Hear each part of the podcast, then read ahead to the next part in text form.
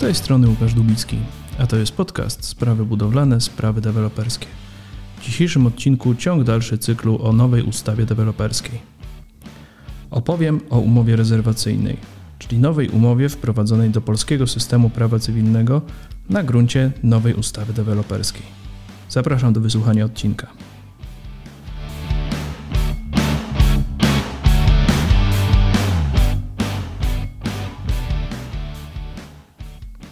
Umowa rezerwacyjna do tej pory funkcjonowała na rynku zgodnie z zasadami, jakie ustaliły sobie strony dla tego rodzaju umowy. Spotykałem w praktyce umowy mniej lub bardziej fortunnie sformułowane. Jedne były zbliżone do umów stricte rezerwujących, które sprowadzały się do tego, że deweloper zobowiązywał się, że nie będzie oferował innym nabywcom lokalu albo domu, zaś nabywca zobowiązywał się za to zapłacić opłatę rezerwacyjną albo też nie. Inną grupę umów rezerwacyjnych stanowiły takie umowy, które były z pogranicza rezerwacji oraz zobowiązania do sprzedaży. W niektórych przypadkach umowy rezerwacyjne stanowiły w rzeczywistości umowy przedwstępne do umów deweloperskich i mogły być uznane za nieważne na gruncie dotychczasowej ustawy deweloperskiej. Nowe przepisy w zakresie umowy rezerwacyjnej wprowadzają nieco porządku, ale z drugiej strony pozostawiają też kilka pytań bez odpowiedzi. Może zacznijmy od tych regulacji, które mają z założenia uporządkować kwestię umowy rezerwacyjnej. Po pierwsze, umową rezerwacyjną można poprzedzić albo umowę deweloperską, albo, jed, albo jedną z umów zobowiązujących z ustawy deweloperskiej, ewentualnie umowę sprzedaży już gotowego lokalu przez dewelopera lub przez przedsiębiorcę innego niż deweloper, jeżeli taka sprzedaż następuje po raz pierwszy na rzecz nabywcy, a lokal powstał wskutek realizacji przedsięwzięcia deweloperskiego bądź zadania inwestycyjnego. Deweloper będzie zawierał umowę rezerwacyjną z osobą, która będzie zainteresowana ofertą sprzedaży, i w umowie takiej kluczowym zobowiązaniem dewelopera będzie zobowiązanie do czasowego wyłączenia z oferty sprzedaży lokalu albo domu, który wybierze sobie rezerwujący.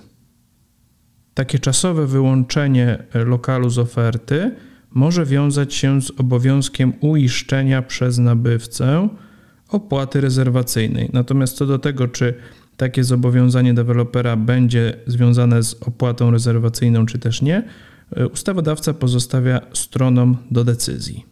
Opłata rezerwacyjna nie jest obowiązkowa na gruncie nowej umowy rezerwacyjnej.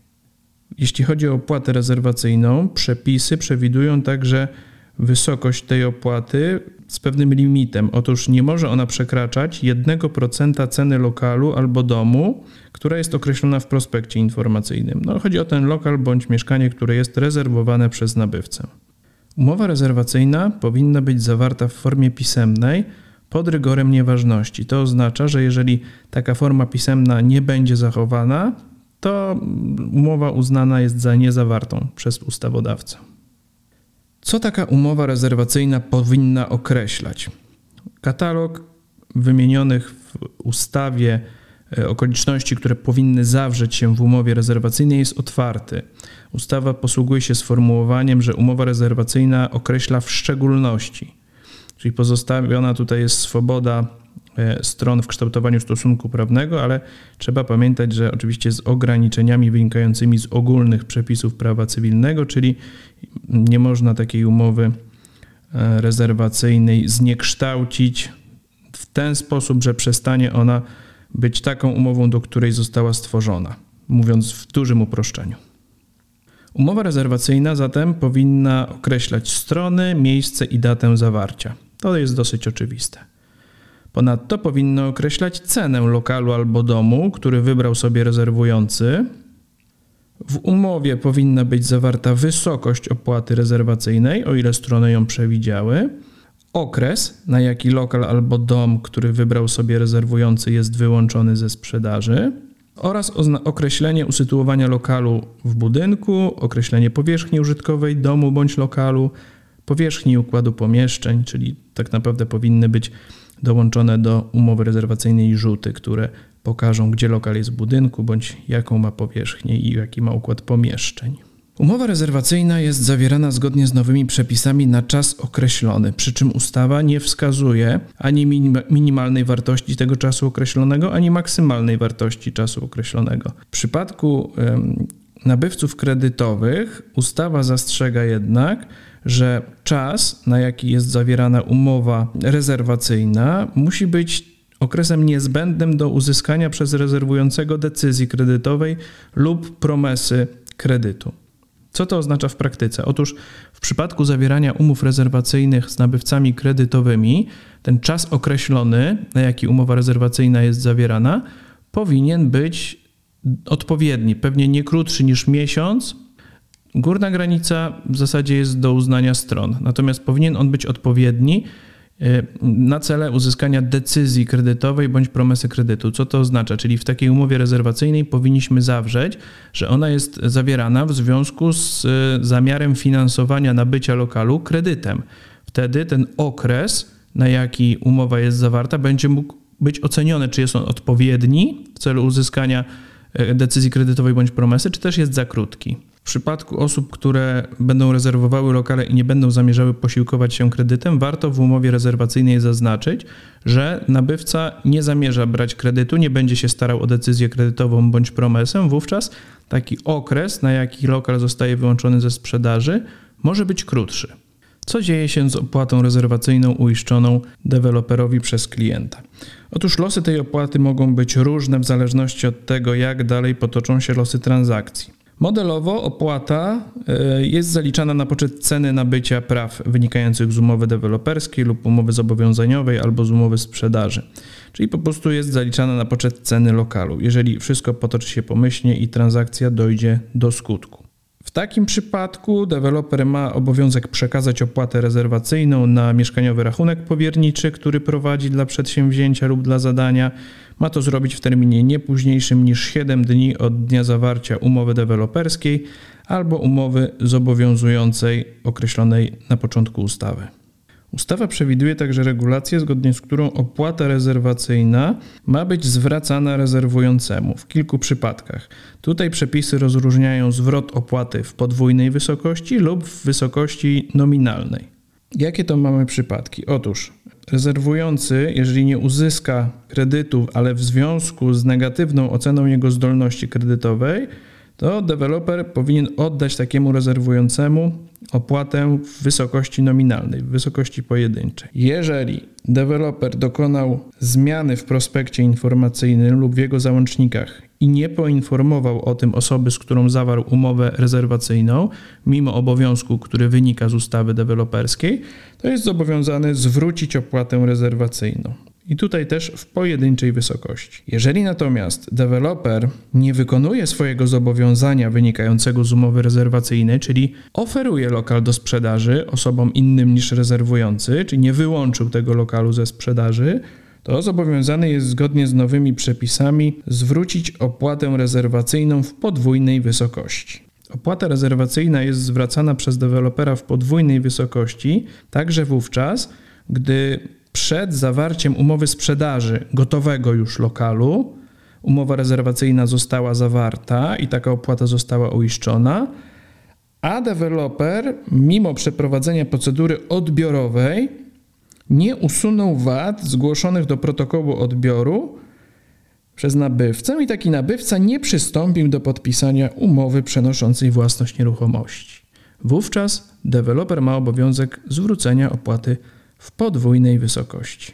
Warto pamiętać, że zawierając umowę rezerwacyjną, deweloper ma obowiązek informować rezerwującego o zmianach, które wprowadza w prospekcie informacyjnym lub w jego załącznikach.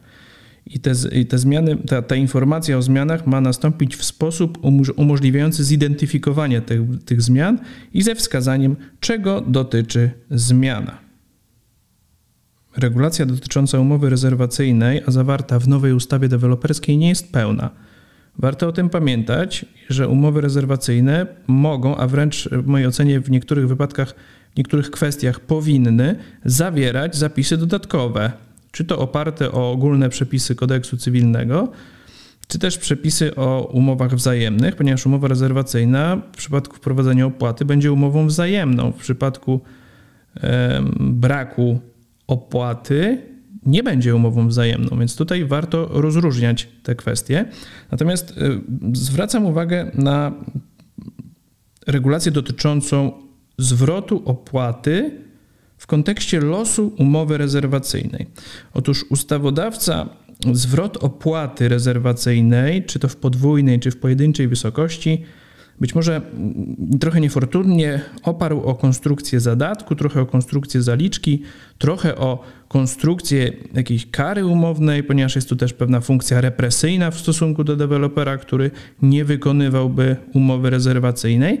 Natomiast obowiązek zwrotu opłaty, czy to w pojedynczej, czy w podwójnej wysokości na rzecz nabywcy, nie jest e, zgodnie z przepisami ustawy powiązany z losem umowy rezerwacyjnej. Przykładowo, jeżeli mamy kwestię zadatku, modelowo w przypadku zadatku, aby móc żądać e, zadatków podwójnej wysokości lub też żądać zwrotu zadatku, najpierw strona musi od umowy odstąpić. Czyli najpierw trzeba unicestwić istnienie umowy, a dopiero później realizuje się roszczenie w przypadku zadatku w pojedynczej bądź podwójnej wysokości. Jeśli chodzi o umowę rezerwacyjną, pominięta jest kwestia losu umowy. Ustawa mówi tylko o obowiązku zwrotu opłaty. Natomiast powstaje pytanie, co się dzieje z umową rezerwacyjną, jeżeli w toku jej trwania deweloper zwróci taką opłatę bądź to w pojedynczej, bądź w podwójnej wysokości. Czy taka umowa nadal obowiązuje? Czy też z chwilą zwrotu opłaty ona niejako automatycznie wygasa, czy też wygasa to zobowiązanie dewelopera z umowy rezerwacyjnej? Tutaj odpowiedzi na te pytania chyba pozostają otwarte. Pewnym śladem, który może nas prowadzić w kierunku uzyskania takiej odpowiedzi, może być brzmienie przepisu artykułu 32 ust. 1, który mówi, że strony umowy rezerwacyjnej mogą ustalić, że zobowiązanie wynikające z umowy jest związane z obowiązkiem poniesienia przez rezerwującego opłaty rezerwacyjnej.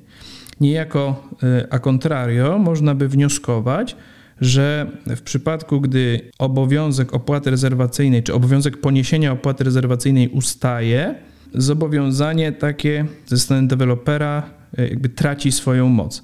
Natomiast taka interpretacja mnie nie, osobiście nie przekonuje. Uważam, że tutaj trzeba doregulować kwestię losu umowy rezerwacyjnej na dany lokal w przypadku zwrotu opłaty przez dewelopera odpowiednimi zapisami już w samej treści umowy. To były najważniejsze kwestie dotyczące umowy rezerwacyjnej w dużym skrócie. Podsumowując, na co trzeba zwrócić uwagę? Otóż umowa rezerwacyjna powinna zawierać zobowiązanie dewelopera do czasowego wyłączenia z oferty sprzedaży konkretnego oznaczonego mieszkania albo domu. Umowa rezerwacyjna może zawierać regulacje dotyczące opłaty rezerwacyjnej. Opłata jest nieobowiązkowa, natomiast może zostać przewidziana przez strony. Wysokość opłaty nie może przekroczyć 1% ceny lokalu albo domu, Trzeba pamiętać o przypadkach, w których deweloper ma obowiązek zwrócić opłatę w pojedynczej bądź w podwójnej wysokości. I pamiętać trzeba, że w przypadku, gdy umowa rezerwacyjna zawierana jest przed zawarciem umowy deweloperskiej bądź umowy zobowiązującej, deweloper ma też obowiązek w trakcie obowiązywania umowy rezerwacyjnej informowania takiego rezerwującego o zmianach, które wprowadził w prospekcie lub jego załącznikach. Brak poinformowania nabywcy o tych zmianach będzie skutkował obowiązkiem dewelopera do niezwłocznego zwrócenia opłaty rezerwacyjnej. W tym odcinku podcastu to wszystko. Zapraszam do słuchania kolejnych odcinków. Dziękuję, Łukasz Dubicki.